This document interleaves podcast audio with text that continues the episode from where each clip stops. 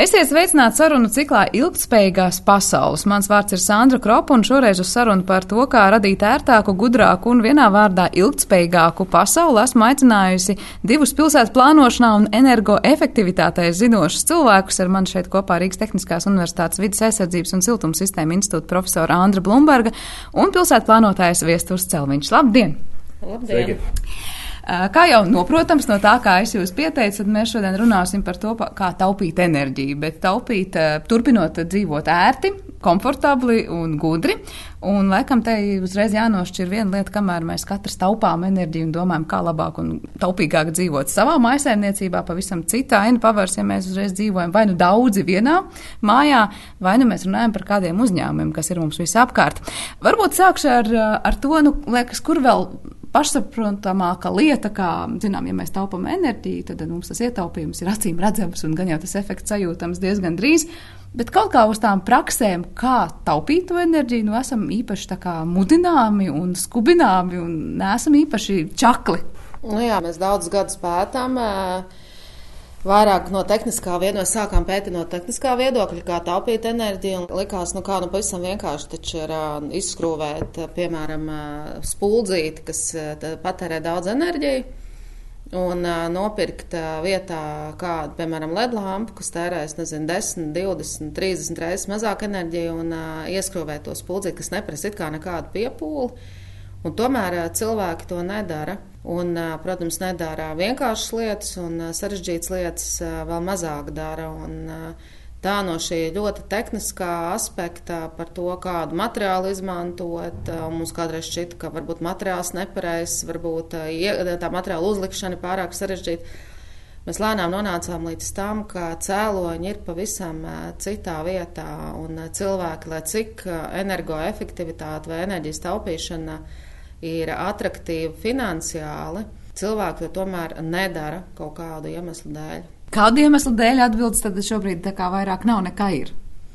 Jā, nu tā ir tā lielā uh, mistika, ar ko nodarbojās uh, daudz cilvēku ar energoefektivitāti saistīti. Uh, un politiku veidošanu, kā panākt, ka nodoms pārvēršas rīcībā. Jeb, respektīvi, es pat zinu, ka māju vajadzētu siltināt, tas varētu ietaupīt enerģiju. Kāds pat varbūt zina, ka tas samazinās ietekmi uz klimata pārmaiņām, kuras notiek. Un, un es zinu, ar ko to darīt, un es pat zinu, kur naudu saņemt, un tomēr es to nedaru kaut kāda iemesla, citu iemeslu dēļ. Tā šobrīd izklausās kā mīkla, vai vēsturam ir kādas idejas par to, nu, kāpēc tas, ko Andra tikko minēja, it kā liktos, ka tas ir jādara, zinu pat, kur naudu dabūt, bet nedara. Es domāju, ka attiecībā uz energoefektivitāti mums ir tāds pietiekoši vidēji miglainas kontūrs par to, kāpēc tas notiekās, bet es domāju, mēs visi esam pazīstami ar vienu tādu fenomenu, ko sauc par 1. janvāra apņemšanām. Ja mēs sportosim vairāk, ēdīsim veselīgāk, pavadīsim vairāk laika ar tuviem cilvēkiem, lasīsim grāmatas un tā tālāk, un tad paiet 20, 30, varbūt pat mazāk dienas, un tās apņēmības kaut kā izplēna. Un, un tāpat analoģija ir absolūti attiecināma arī uz uh, enerģijas taupīšanu un vispār ilgspējīgu attieksmi pret vidi, jo vairums no mums uh, elektroenerģiju patērē higiēnas līmenī pēdiņās. Ja? Tas ir kļuvis par pašsaprotamu lietu, tāpat kā pogāt pogas. Neviens apzināti nedomā, ka viņš tagad pirmo, otro, trešo pogu pogās. Tas ir no bērnības, tu ej no istabas ārā, tas lēdz gaismā ārā. Un tas ir nu, te jau absolūti neapzināts rīcības. Un tad, kad mēs sakām, tagad tev būtu jāpērk jaunas lampas, Kā, ko tas vispār nozīmē? Nu, tas, kā, tas ir, ir draudi, tas ir aicinājums, kas man tagad jādara kur viņš vispār var nopirkt. Tas ir 5, 6 uh, soļu attālumā. Un tas ir tikai attiecībā uz tavu mājokli un tavu rumpīti. Kur nu vēl runa ir par ēkas siltināšanu, kur tev jāvienojās, ir, kā tas iespaidos manu dzīvokli, kāds iespaidos kāpņu telpu un visu ēku, un kurš par ko maksās, vai man apkrāps un vispār. Ko nozīmē 20 gadi? Es dzīvošu varbūt citā valstī, es būšu zem zemes pēc 20 gadiem. Tad, kad mēs paskatāmies uz šo argumentu buķeti kopā, tad nu, mēs esam tur, kur mēs esam. Ar to, ka vārdos mēs esam par tīru vidi un zaļu enerģiju, un darbos mēs esam kā nu kurais. Bet, lai rastu risinājumu, nu, kas būtu jādara? Jo no vienas puses, jā, tās atbildes ir pamatotas. Cilvēks nezina, kur viņš būs pēc 20 gadiem. Vai, ja mēs runājam par daudz dzīvokļu māju, piemēram, viens dzīvoklis grib būt eh, energoefektīvs, visi pārējie, nu, vienalga vai negrib. Ko darīt tam vienam? Vai ir jēga tagad tam vienam kaut ko darīt tikai ar to savu īpašumu, lai gan visa māja netiek siltināta? Es domāju, ka uh, ir ja mēs ņemtu tādu individuālu uh, vienu maisaimniecības līmeni, tad tie ir uh, stimuli. Jā, līdzīgi kā mēs sakām, ja tu šķiro atkritumus, tad tev ir kaut kāda monetāra, monetāra pienesuma. Līdzīgi tev būtu valsts uh, sakot, ka tas ir sistēmiski un valstiski nozīmīgs jautājums, tev būtu stimuli uh, fiskālā līmenī. Bieži vien cilvēkiem tas nav vienīgais stimuls, bet nu, teikt, tas mazs burkāns pēdiņās ir, ir vērtība. Otra puse ir sistēmiskā puse. Uh, kur mēs sakām, ko man darīt, ja es gribētu savu dzīvokli nosiltināt un padarīt viņu siltāku un, un arī energoefektīvāk, bet es nezinu, kā to paveikt.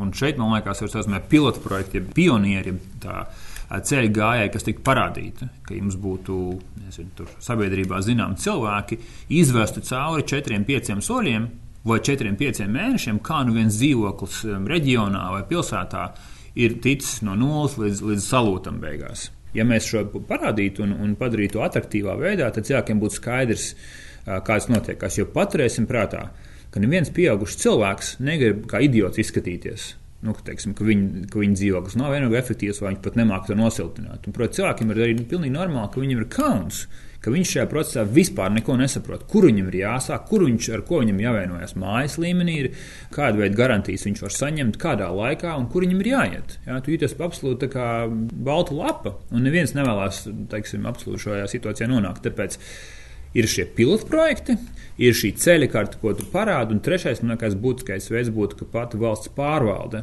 siltinātu savus ēkas un to padarītu nevis kā diskrētu procesu, kas ir pietiekoši slepenots, bet viņš būtu kā, nu, kā padomu laikos, jā, ka tu visi par to zini un ieraugi. Un tam, es domāju, būtu tās pakāpeniskās paradumu maiņas efekts gan uz individu, tā skaitā mājasemniecības līmenī, gan kolektīvā, ka mēs esam 15 vai 8 vai cik arī dzīvokļi mēs būtu mūsu, mūsu ēkā reģionā. Man liekas, ka tas ir kritisks jautājums, jo patreiz cilvēki nezina, kas notiekās, viņi nezina, kā var ietaupīt, viņi nezina, kā to darīt. Un ar to, tad, kad tev ir migla, tev sākās nogurums.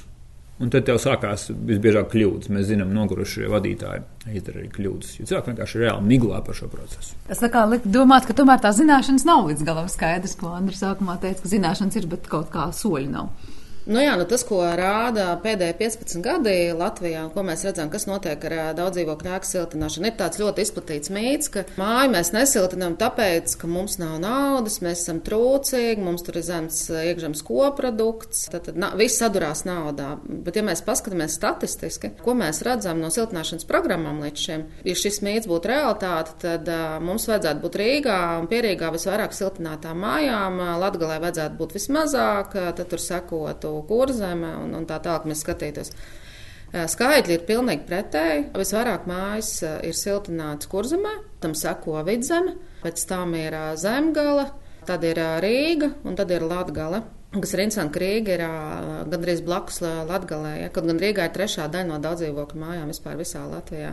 Kas parāda, ka tas mīts nav īsti pareizs, un tur ir citi skaidrojumi. Un tas, ko arī viesturs teica, ko, ko mēs arī redzam tajos skaitļos, ka ļoti izteikti ārpus Rīgas ir, nu, mēs viņu saucam par infekciju izplatīšanos, ja, kas, ja viens sadūšojās kvartālā nosiltināta, Tad pēc kāda laika mēs redzam, ka sākās citu māju siltināšana, jo viņiem ir iespēja iet aptaustīt, paskatīties, uzdot jautājumus, censties nepieļaut kļūdas, nepiedzīvot kaunu, kā teica Viesturs kaut kādu muļķību izdarot. Un, tā tas izplatās vairākās pilsētās Latvijā. Mēs to ļoti, ļoti labi redzam. Sākums bija pats sākums bija Valmierā, kur arī Valmieras doma atbalstīja.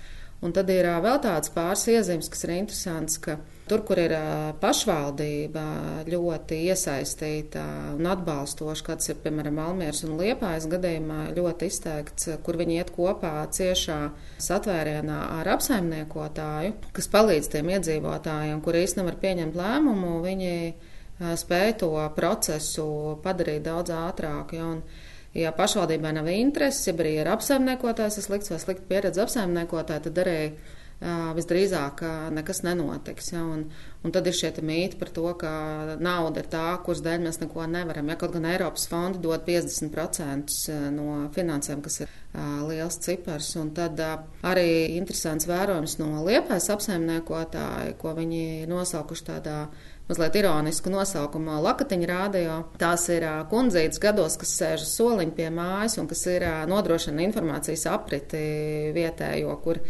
kur viņi zina visu, ko visi dara. Ja, un, un, ja ir viena māja, kas ir nosiltināta, tad, tad viņi šo pieredzi, tā kā infekciju vai kā baumu formā, iznēsā apkārt pārējiem. Un tad ir vēl viena tāda lieta, kas, manuprāt, ir patiesībā varbūt pat vissvarīgākā no visa, ka tās mājas, kurās iekšā ir neformālais līderis, kurš pats dzīvo tajā mājā, kuram pieder dzīvoklis, tajā, kas ikdienā tur dzīvo, un kam uzticās pārējiem, kas ir interesanti. Parasti tam vajadzētu būt vīrietim, jo tad tā uzticība ir vēl lielāka un drošāka ka viņš paņēma to procesu uz uh, savas muguras, viņš iziet cauri tam procesam, un pārējie, uh, uzticoties viņam, uh, seko. Bet kā motivēt to vienu cilvēku, to līderi? Viņam vienkārši ir jāvadās pēc saviem personīgiem ieguvumiem no tā, un tā tad īstermiņa vai ilgtermiņa ieguvumu atkal bilants, ko viņam ir jārēķina.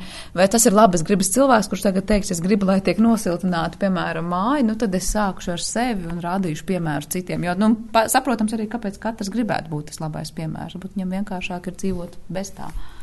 Nu, jā, nu, no mūsu tā, tās pieredzes mēs tiešām, kad mēs skatāmies tās siltinātās mājas, mēs redzam konkrētu cilvēku un to konkrēto tipāžu, kāds tas ir. Un tas ir kāds, kuram ir, vienam ir slāva, ja vienam tur ir vāra, vienam ir, es nezinu, varbūt kāds finansiāls iegums, kā, nu, kurš, bet parasti tie ir tādi atvērti cilvēki, kur kaut kādu viņu, viņiem zināmu iemeslu dēļ to procesu spēja izvilkt cauri. Nu, tā māja, piemēram, kas Latvijā pirmā 20 gadus atpakaļ paņēma komerckredītu mājas siltināšanai, kas toreiz bija pilnīgi neticams notikums, šo procesu izvilka cilvēks, kurš kādreiz bija kolekcijas priekšsēdētājs kurš ir ļoti harizmātiska personība, kam visi noticēja viņa pilnīgi trakajai idejai. Un viņi, viņi tiešām arī aiz viņa gāja, un viņš to procesu arī cieņpilni un kārtīgi ir izdarījis līdz galam. Un tā māja joprojām ir kā labs piemērs uh, tam, kā šis viens cilvēks to dara. Cik ilgā laikā šī māja ar savu piemēru parādīja, ka atmaksājas ieguldīt tos uh, līdzekļus, nosiltināt un tad maksāt mazāk vai patērēt mazāk? Nu, toreiz tas bija, kad viņi ņēma to kredītu, likās, ak, Dievs, desmit gados, cik šausmīgi ilgi. Ja? Bet viņi atmaksā vēl ātrāk, tāpēc, ka enerģijas cenas auga, siltuma tarifs pieauga, tāpēc, ka banka samazināja kredītu procentus, un, un viņi vēl beigās uzlika savu siltuma avotu, kas vēl samazināja to tarifu. Un, nu, viņi atpelnīja, man liekas, kaut kādos piecos gados to visu. Vēsturam, kas piebilstams pie šiem čempioniem, ko piesaucām? Es domāju, ka interesantā kārtā tie cilvēki, kas um, ir uzņēmušies šo ēku siltināšanas kolektīvo procesu, viņi savā ziņā ir šo uh, lietu ņēmuši savās rokās. Un tas man liekas interesanti, ka 15 gadu laikā no um, valsts uh, un pakalpojumu sniedzēja puses tas process nav mainījies. Mēs te jau izmantojam kaut kādus tur zinu, harizmātiskas personības, lai siltinātu mājas. Atvainojiet, tas taču nav nekāds burvestību laikmets. Tam pakalpojumam būtu jāatspoguļo uzturamība, saprotamība, izsekojamība. Ja, un, un te ir intuitīvs process. Nevis viens, viens tā teikt, harizmātisks vīrietis var vienīgais būt teikt, celmlauzis, kas to procesu um, panākt. Un tas ir būtiski. Ja mēs sakām, ka ir nepieciešama viena persona, kas iemieso to labo nākotni, kur reputācija ir, nav, nav peļama, un viņš spēs to procesu iznest cauri, tad kā būtu, ja šis pakalpojums, kas tiek sniegts tehniskā līmenī, arī atspoguļot to? Mums nepieciešams atrast ēkas, kurās ir šis vadītājs, un tad viņš uz saviem pleciem iztaigās nu, dzīvokļus, vienosies ar cilvēkiem, sadalīs uz galviņām maksu, un mēs teiksim, lūk, kāda būs mūsu ietaupījuma. Bet tas būtu uz vienas lapas. Visiem saprotams, skaidrs un redzams process. Jā, paturam prātā, ka cilvēkiem ir liela neusticība publiskām institūcijām. Paturam prātā, ka cilvēki bieži vien ir vīlušies vai apzinājušies ar bankas aizņēmumiem. Un trešām kārtām viņi, viņi neplāno savu nākotni 20, 20 gadu nākotnē. Šie ir trīs fundamentāli argumenti, kur patreizējais ēkas siltināšanas projekts neatspoguļo. Viņš viņu pat neievērtē. Ja mēs gribam, lai šis process būtu ātrāks, viņiem tas būtu jāsāk ievērtēt. E, to var salīdzināt kaut kādā mērā ar to, kā produkti ir izvietoti veikalā, lai mēs ērti tos atrastu un nopirktu. Proti, ka arī šim pakalpojumam šobrīd pietrūkst tāda ārējā veidola, nu, kas ir jādara, lai tas būtu ļoti ērti un tīkami cilvēkam. Absolūti. Ir lielās korporācijas un uzņēmumi, kas iet internetā kādu pakalpojumu. Tur ir, tur ir desmitiem cilvēku, kas svīst un dienām naktīm domā, kādā veidā samazināt soļu skaitu. Tu iegāji, tu ieraudzīji, tu nopirki. Tas prasītu 15 sekundes. Savukārt šeit, ja kāds gribētu siltināt ēku, nu, varētu izskaidrot faktisko soļu, sākot no domas līdz procesam, nu, tur droši vien būtu mērāmi nezinu, nu, cik simtos. Un es saku, protams, šis nav nosiltināt ēku, nav nopirkt pienu. Bet mēs, tas, ko mēs vēlamies panākt, ka viņš vismaz par kārtu kļūtu intuitīvāks un vēlamāks. Jo mēs gribam citus rezultātus, bet mēs turpinam darīt visu tā, kā tas bija līdz šim. No, tad mums būs tie paši rezultāti. Tur jau nav nekāda raķešu zinātne. Kas būtu jādara šobrīd, lai tie rezultāti būtu citi, vai tie soļi kādi būtu, lai tas būtu viegli, patīkami, ērti? Nu, vispār, jā, ēku siltināšana ir, man liekas, šobrīd kā kosmiskā kuģa būvēšana. Joprojām 15 gadi ir pagājuši, jau varbūt pat vairāk, ņemot vērā kuldīgas to sākumu pašu. Un joprojām ir tās, tās pašas problēmas, ar kā viesturs teica, ka tas ir ļoti, ļoti, ļoti sarežģīti vienam parastam cilvēkam, jo tas uzskats ir kāds, viņš vienmēr ir bijis, un to ierēdniecība vienmēr ir uzskatījusi, ka iedosim naudu, un viss tiks atrisinās, viss notiks uz burbuļnoņas mājienu. Nu, nenotiek. Nu, nav tad, kad paziņo, ka būs mājas siltināšanai nauda. Nestāv rinda ārā pie altuma cerībā, ka pirmie, tā kā bija toreiz ar uzņēmējiem, kad pie lijā stāvēja rinda, ja kurš pirmais ienāks, tas to naudu dabūs. Nu, nav daudz dzīvokļu mājām jā, un jālūdzās, lai viņi tās mājas siltina. Un, nu, jā, un ir vajadzīgs šis, šī procesa vienkāršošana, to mēģina darīt. Altums to ir mēģinājis darīt visāds birokrātiskus šķērsus, ja, bet tur uzreiz viens šķērs nojaucot parādās kaut kāds atkal nākamais šķērs. Un tāpat, piemēram, būvniecība izglītības kvalitātes jautājums, kas joprojām ir aktuāls, ir 20 gadi ir pagājuši, un joprojām šis rikošets nāk atpakaļ. Nekvalitatīvs būvnieku darbs nozīmē uzreiz baumas aiziet par to, reku šie paņēma naudu, Un, un rekā viņiem sanāca, nekas viņiem nesanāca. Viņiem apsolīja, ka viņi 50% samazinās enerģijas patēriņu, un īstenībā reku tikai 30%, kā viņi to naudu nevar atdot. Ja, tagad, tāpēc, ka tas patēriņš nav tik daudz samazināts. Un tā ir tāda atkal tāda problēma, kas ar to būvniecības kvalitāti ir saistīta, un Altums to ir mēģinājis risināt. Un viņiem kaut kā sanāk, bet trūkst arī valsts interese likumdošanas līmenī, kas sakārtot. Un, kā mēs zinām, būvniecībā problēmas ir, man liekas, visās vietās. Ja, un šī ir atkal vēl viena tāda fronts līnija, kur lietas ir uzlabojušās. Un pēdējie projekti rāda, ja ir, piemēram, audito, energoauditors pateicis, ka būs 50% enerģijas ekonomija, ka nu, jau ir 45% vai nu, 40%, tas jau ir jau, jau agrāk bija 25% ja, tikai ekonomija, kas, kas radīja milzīgu atsitienu. Ja, cilvēki nekam netic, viņi jau tā neticēja Un tad nāca vēl viens tas neticēšanas iemesls, ja kāpēc. Un... Tad šobrīd mēs runājam par 50. E, jā, šobrīd ir ievērojami uzlabojis. Mēs joprojām redzam, ka līst lietus, e, stāva vata, siltumizolācijas materiāls vata stāv pagalmā, izpakots lietus līst, vata slapja, atnāk celtnieks, slapjo vatu pielīmē pie sienas kaut kā, uzliek virsū kaut kādu apdars materiālu. Ja? Bet ir jāatcerās, ka tā vata ir slapja, un lai viņa izžūtu, ir vajadzīga enerģija. Jo tagad tā vata būs jāžāvē, ne tikai jāsilda māja, bet arī vēl, vēl šī problēma jārisina. Jo projām ir vietas, kur tas notiek, ir daudz vietas, kur vairs nenotiek, kas priecē. Ja? Bet kopumā var teikt, ka zinātniekiem ir skaidrs kaut kāds, es nezinu, scenārijs, ko piedāvāt, vai soļi, ko pateikt, lūdzu, te mums ir gudri darīt tā, tā, tā, un nevis šādi, vai te mēs apējam tur tādas un tādas barjeras. Tā ir tā eh, starpdisciplinārā lieta, kur visu laiku ir bijis tā, ka galvenie padomdevēji likumdevējam ir inženieri, kas tehniski saprot, kā to izdarīt, kādus materiālus, kādu biezumu mums ir Latvijas būvnormatīva, kur mēs tur nostiprinām prasības. Eiropa nāk ar savām prasībām, un mēs to varam tehniski, viss ir izdarāms, bet eh, mums ir vajadzīga šī sociālās zinātnes klāstesamība, cilvēki, kas ir sociologi, antropologi, psihologi, kas saprot, kāpēc daudzdzīvokļu mājas eh, iemītnieks mājas sapulcē uzvedās tā vai citādāk.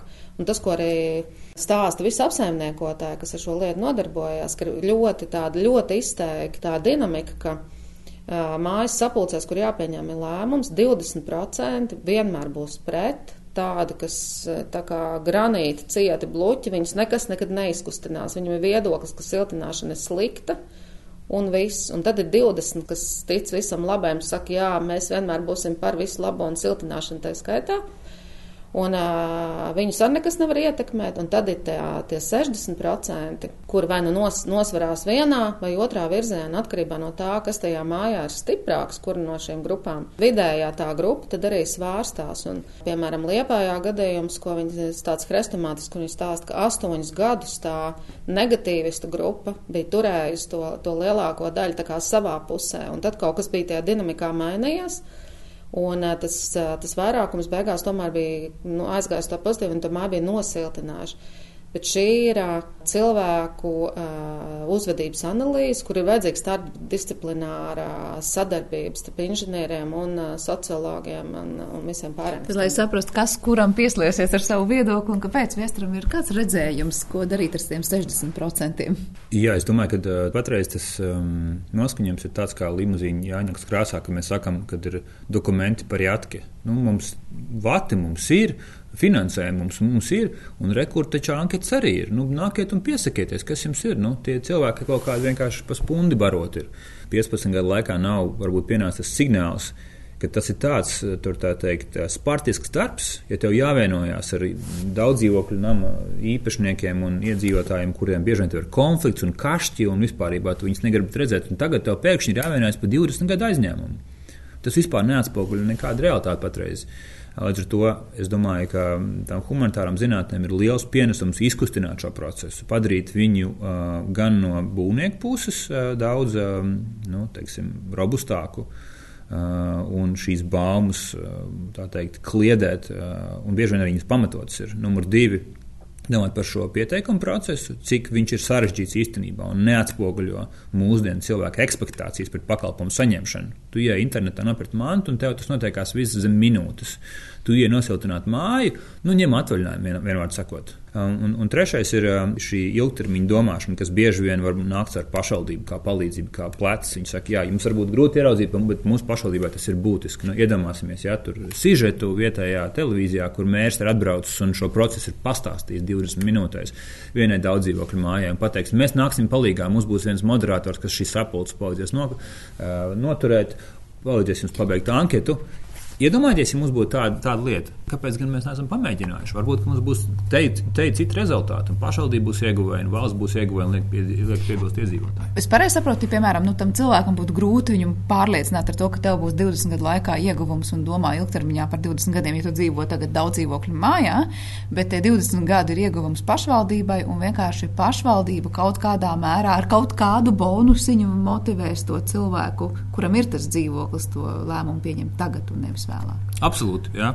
Kā, kā man liekas, arī Andrija iezīmē, ir cilvēki, kuriem ir vieglāk domāt par nākotni. Viņi spēj desmit gadu kategorijās operēt. Viņi ieraug to gan no vidas, vidas viedokļa, gan no ietaupījuma viedokļa, gan no ēkas, ēkas vērtības viedokļa. Tas, ir, teikt, tā ir, tas ir asets, tā ir vērtība. Un, ja mēs liekam tos kompleksus kopā, pašvaldībai nevien, nevien no teiksim, fiskālās komponentes, bet arī no teiksim, labas pārvaldības viedokļa. Šis ir īstenībā jautājums par labu pārvaldību. Vai un kā mēs spējam iedzīvotājs pārliecināt par viņiem, viņu iegūmiem šajā procesā un visu valsts ilgspēju ņemot vērā neksim, zaļo kursu, ko Eiropa uzņēmusi, elektroenerģija ir fundamentāla daļa no šī kopējā groza.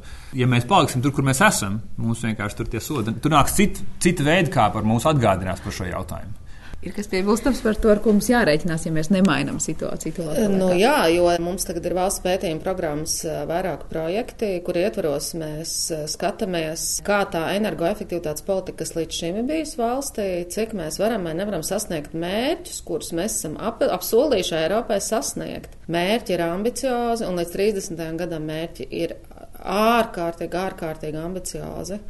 Un, lai sasniegtu tos mērķus, tā kā mēs līdz šim esam to darījuši, mēs vairs nevaram atļauties uh, ar to siltināšanu atstāt tā kā pašplūsmā, ļaut tam visam kaut kā notikt, cerēt uz čempioniem un vēl uz kaut kādām pašvaldībām. Tām prasībām ir jāpaliek arvien uh, nopietnākām, un, uh, un tad, protams, ir pretī atkal problēma ar politiķiem, kuri, protams, negrib nevienu spiest kādu kaut ko darīt, kas ir šī milzīgā dilēma, jā, klimata pārmaiņas, kur es gribētu domāt, ka mēs jau stāvam aizmalā Jautājums, kad mēs tur nokritīsim un cik tas būs sāpīgi un kā atrast to līdzsvaru. Ja, jo, jo viens parasts Latvijas iedzīvotājs viņam pasaka, klimata pārmaiņas lielākā daļa zina par to, kas tas ir, tā, tā ir labā lieta un zina, ka ir jābūt vidē draudzīgam, bet sevi viņš neredz kā, kā daļu no tā visa un ka kaut ko varētu darīt. Un, Un mēs ar kolēģiem, kad mums uznāk melnā izmisuma stunda par to, ka nekas nenotiek, neko nevar izdarīt, ir tik daudz gadu pagājuši, mēs neko nemācāmies. Tad mums ir tāda radikāla atkal ideja, ka vajadzētu vienkārši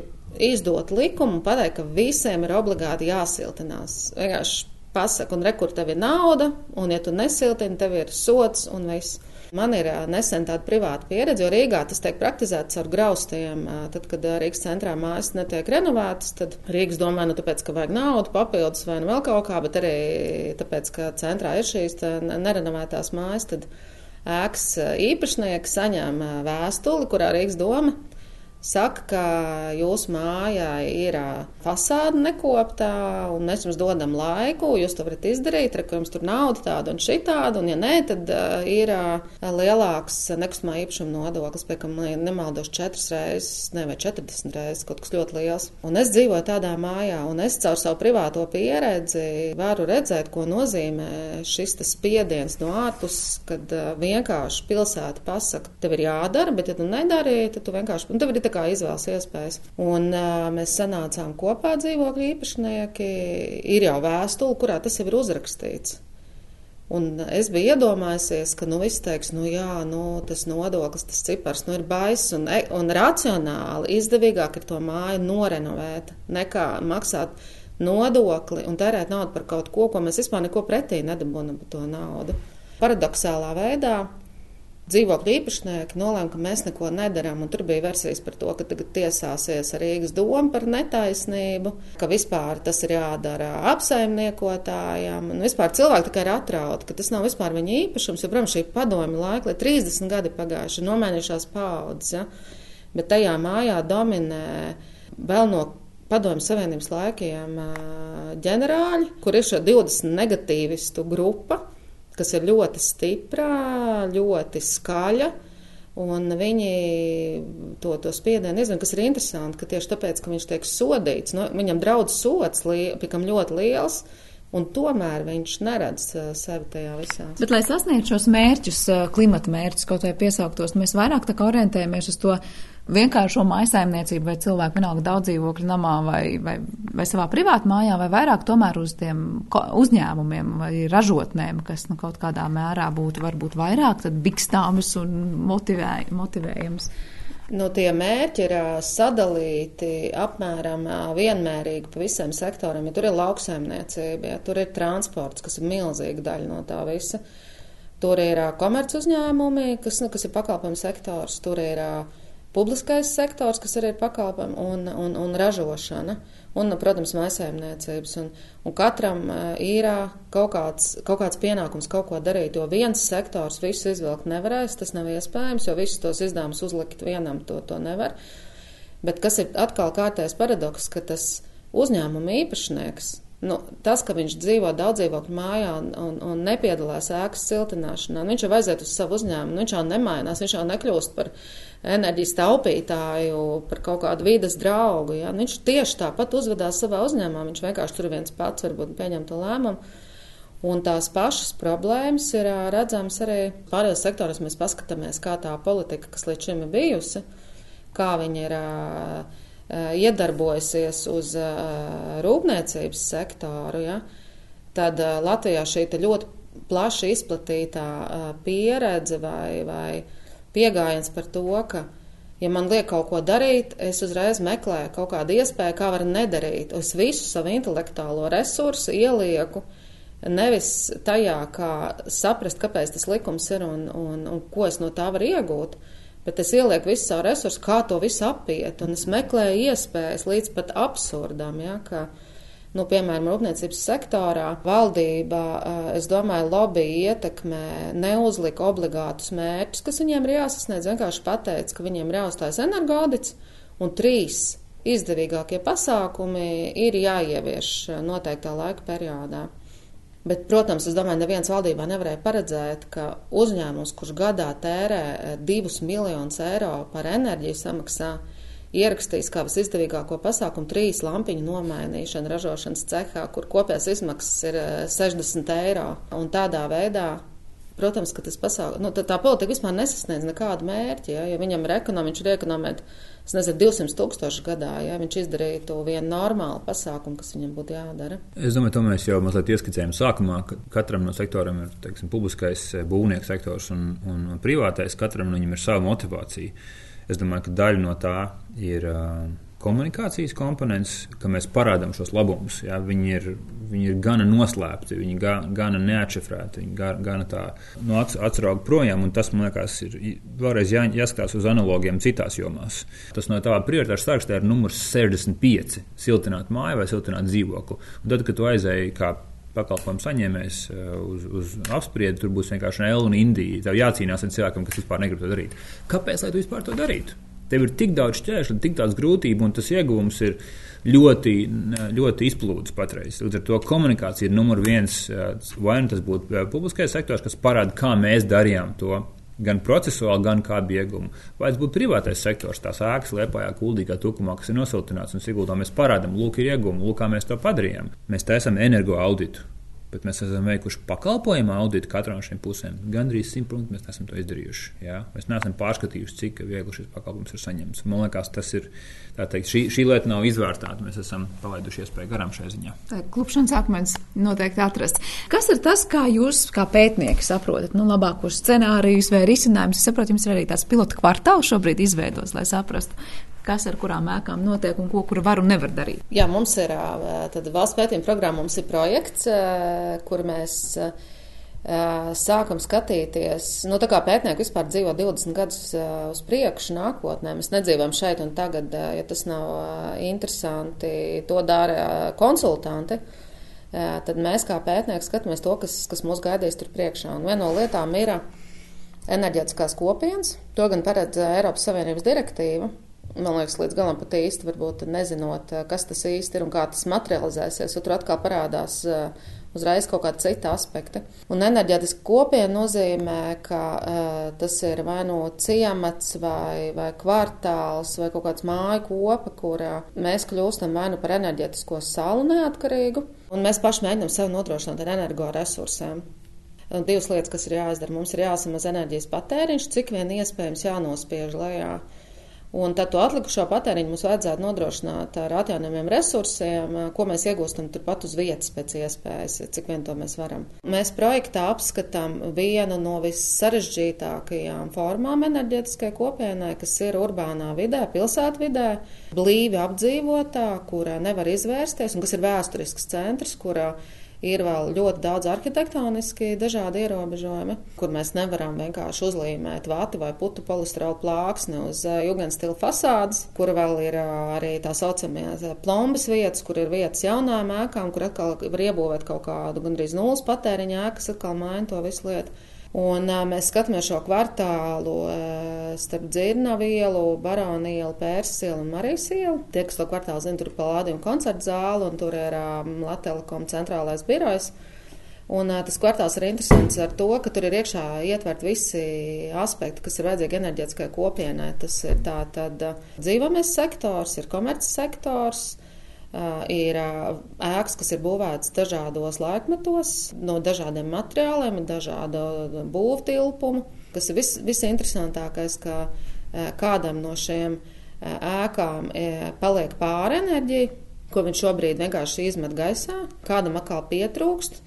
Un mēs skatāmies iespēju, kā viņi viens otru var ar enerģiju nodrošināt. Nu, piemēram, biroju ēkām Uh, ir daudz tehnika iekšā, ļoti daudz uh, siltums izdalās, tas saucamais brīvais siltums. Un to savukārt mēs varam savākt un atdot atkal kaut kādam dzīvojamam sektoram, kas var to izmantot. Tad mēs skatāmies arī, jo vēsturiskā centrā, protams, mēs nevaram uzlikt saules kolektors vai PV paneļus, kur mēs gribam. Jā, mēs zinām, ka Rīgas centrā ir īpaši grūti ar to, ja mēs esam UNESCO mantojuma sarakstā kur mēs varam uzkāpt dažādos torņos pa perimetru visai vēsturiskam centram. Un, ja mēs ieraugam kaut ko, kas neatbilst Eh, simts gadus eh, atpakaļ celtai tai videi, tad mēs to nedrīkstam darīt. Ja, piemēram, Pētera baznīcā mēs uzkāpjam un ieraugam PV paneli no turienes, tad, eh, tad, tad to nevar darīt. Tad ir jāmēģina integrēt to atjaunojamo resursu tehnoloģiju tajā vidē tā, lai viņu, viņa neizboja arī šo vērtību. Tā kā tur ļoti daudz dažādu to izaicinājumu. Un šī ir tikai tehnoloģiskā daļa, bet ir arī cilvēku komunikācijas un sociālā daļa, ka cilvēki valstī, kur cilvēki nevar vienoties par eh, vienas daudzdzīvokļu mājas siltināšanu, kā var vienoties kvartāls par to, kā mēs dalīsim resursus savā starpā un kā mēs lādēsim savus elektromobīļus no tā, ko mēs esam te visi saražojuši, kas kuram tur pieder. Eh, varētu būt nākamais milzīgais izaicinājums. Tas būtu tāda motivācija dzīvot noteikti atbildīgāk un gudrāk vienam pret otru, bet labi, tas kvartāls jūs izvēlētais ir ideāls ar to, ka tur tiešām ir gan koncertzāle, gan, gan datu centrs, gan arī dzīvojamās mājas. Ko darīt kvartālos, kuros, piemēram, ir tikai dzīvojamās mājas, un tur nebūs nu, tādi komercsektori pārstāvēti? Tāpēc mēs esam paņēmuši tādu, varbūt tajā pilotu projektā, tādu mm, ļoti izteikti, kad ir tas eh, komercsektors, eh, jo tas ļoti svarīgs tajā enerģētiskajā kopienā ir.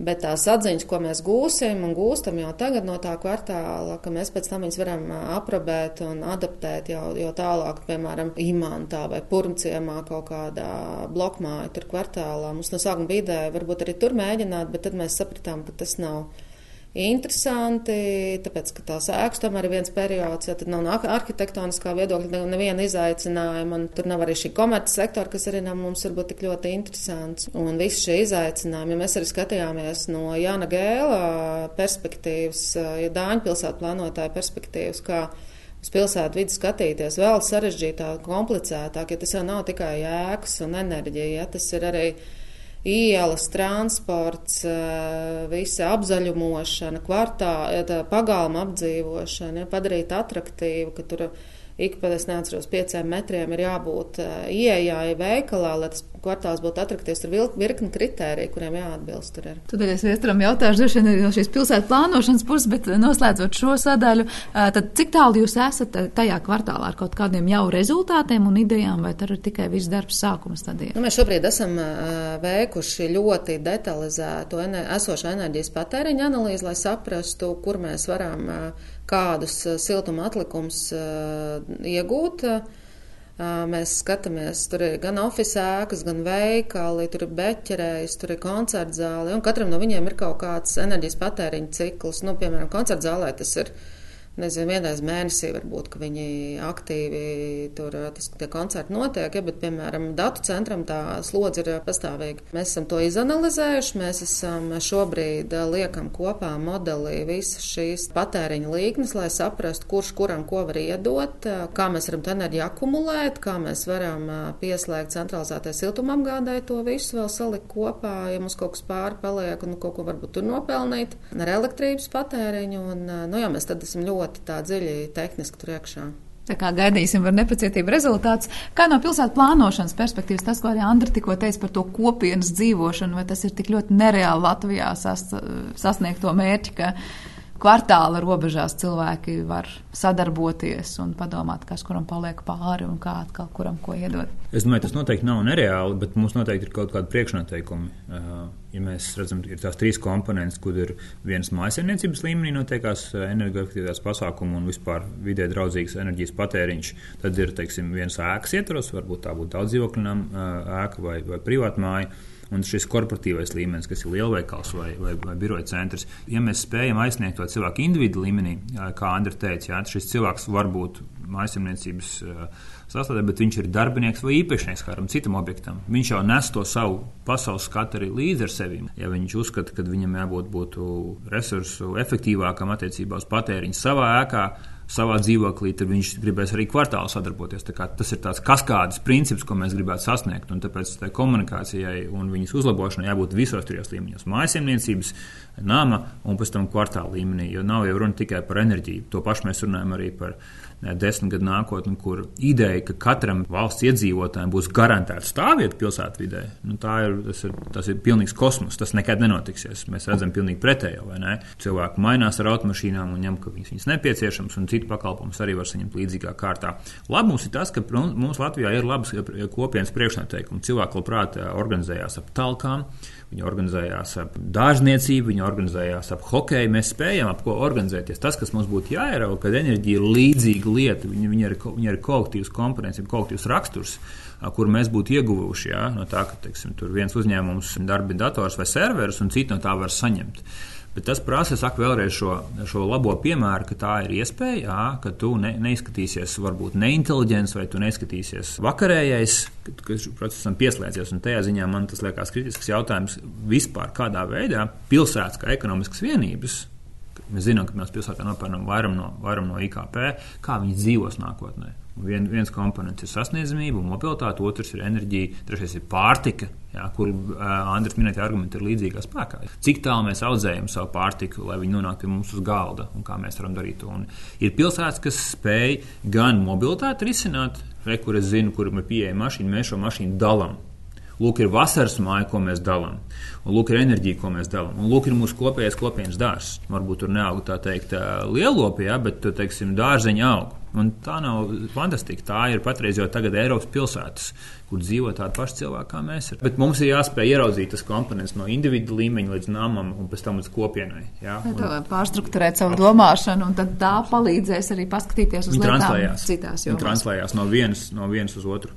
Un, ko liels jums paldies par šo sarunu, lai izdodas eh, centienos mēģināt pārstruktūrēt cilvēku domāšanu. Un noteikti gaidām interesants rezultāts, kas būs no tā interesantā kvartāla, kas, protams, liks izdarīt secinājumus par daudz plašāku jomu. Dzirdējām tā, tāda Rīgas Tehniskās Universitātes vidas aizsardzības un siltuma sistēma institūta profesora Andra Blumbergu un pilsētu plānotāja viesturu Celmiņu. Par to, kā dažādas zinātnes nozeres mums var palīdzēt pietuvoties šim mērķim par tām ilgspējīgākajām pasaulēm un dzīvi tajās daudz ērtāku un gudrāku, klausieties arī citās šī cikla sarunās. Piebildīšu tikai, ka šo podkāstu ciklu var klausīties gan Anhor, gan Spotify platformās.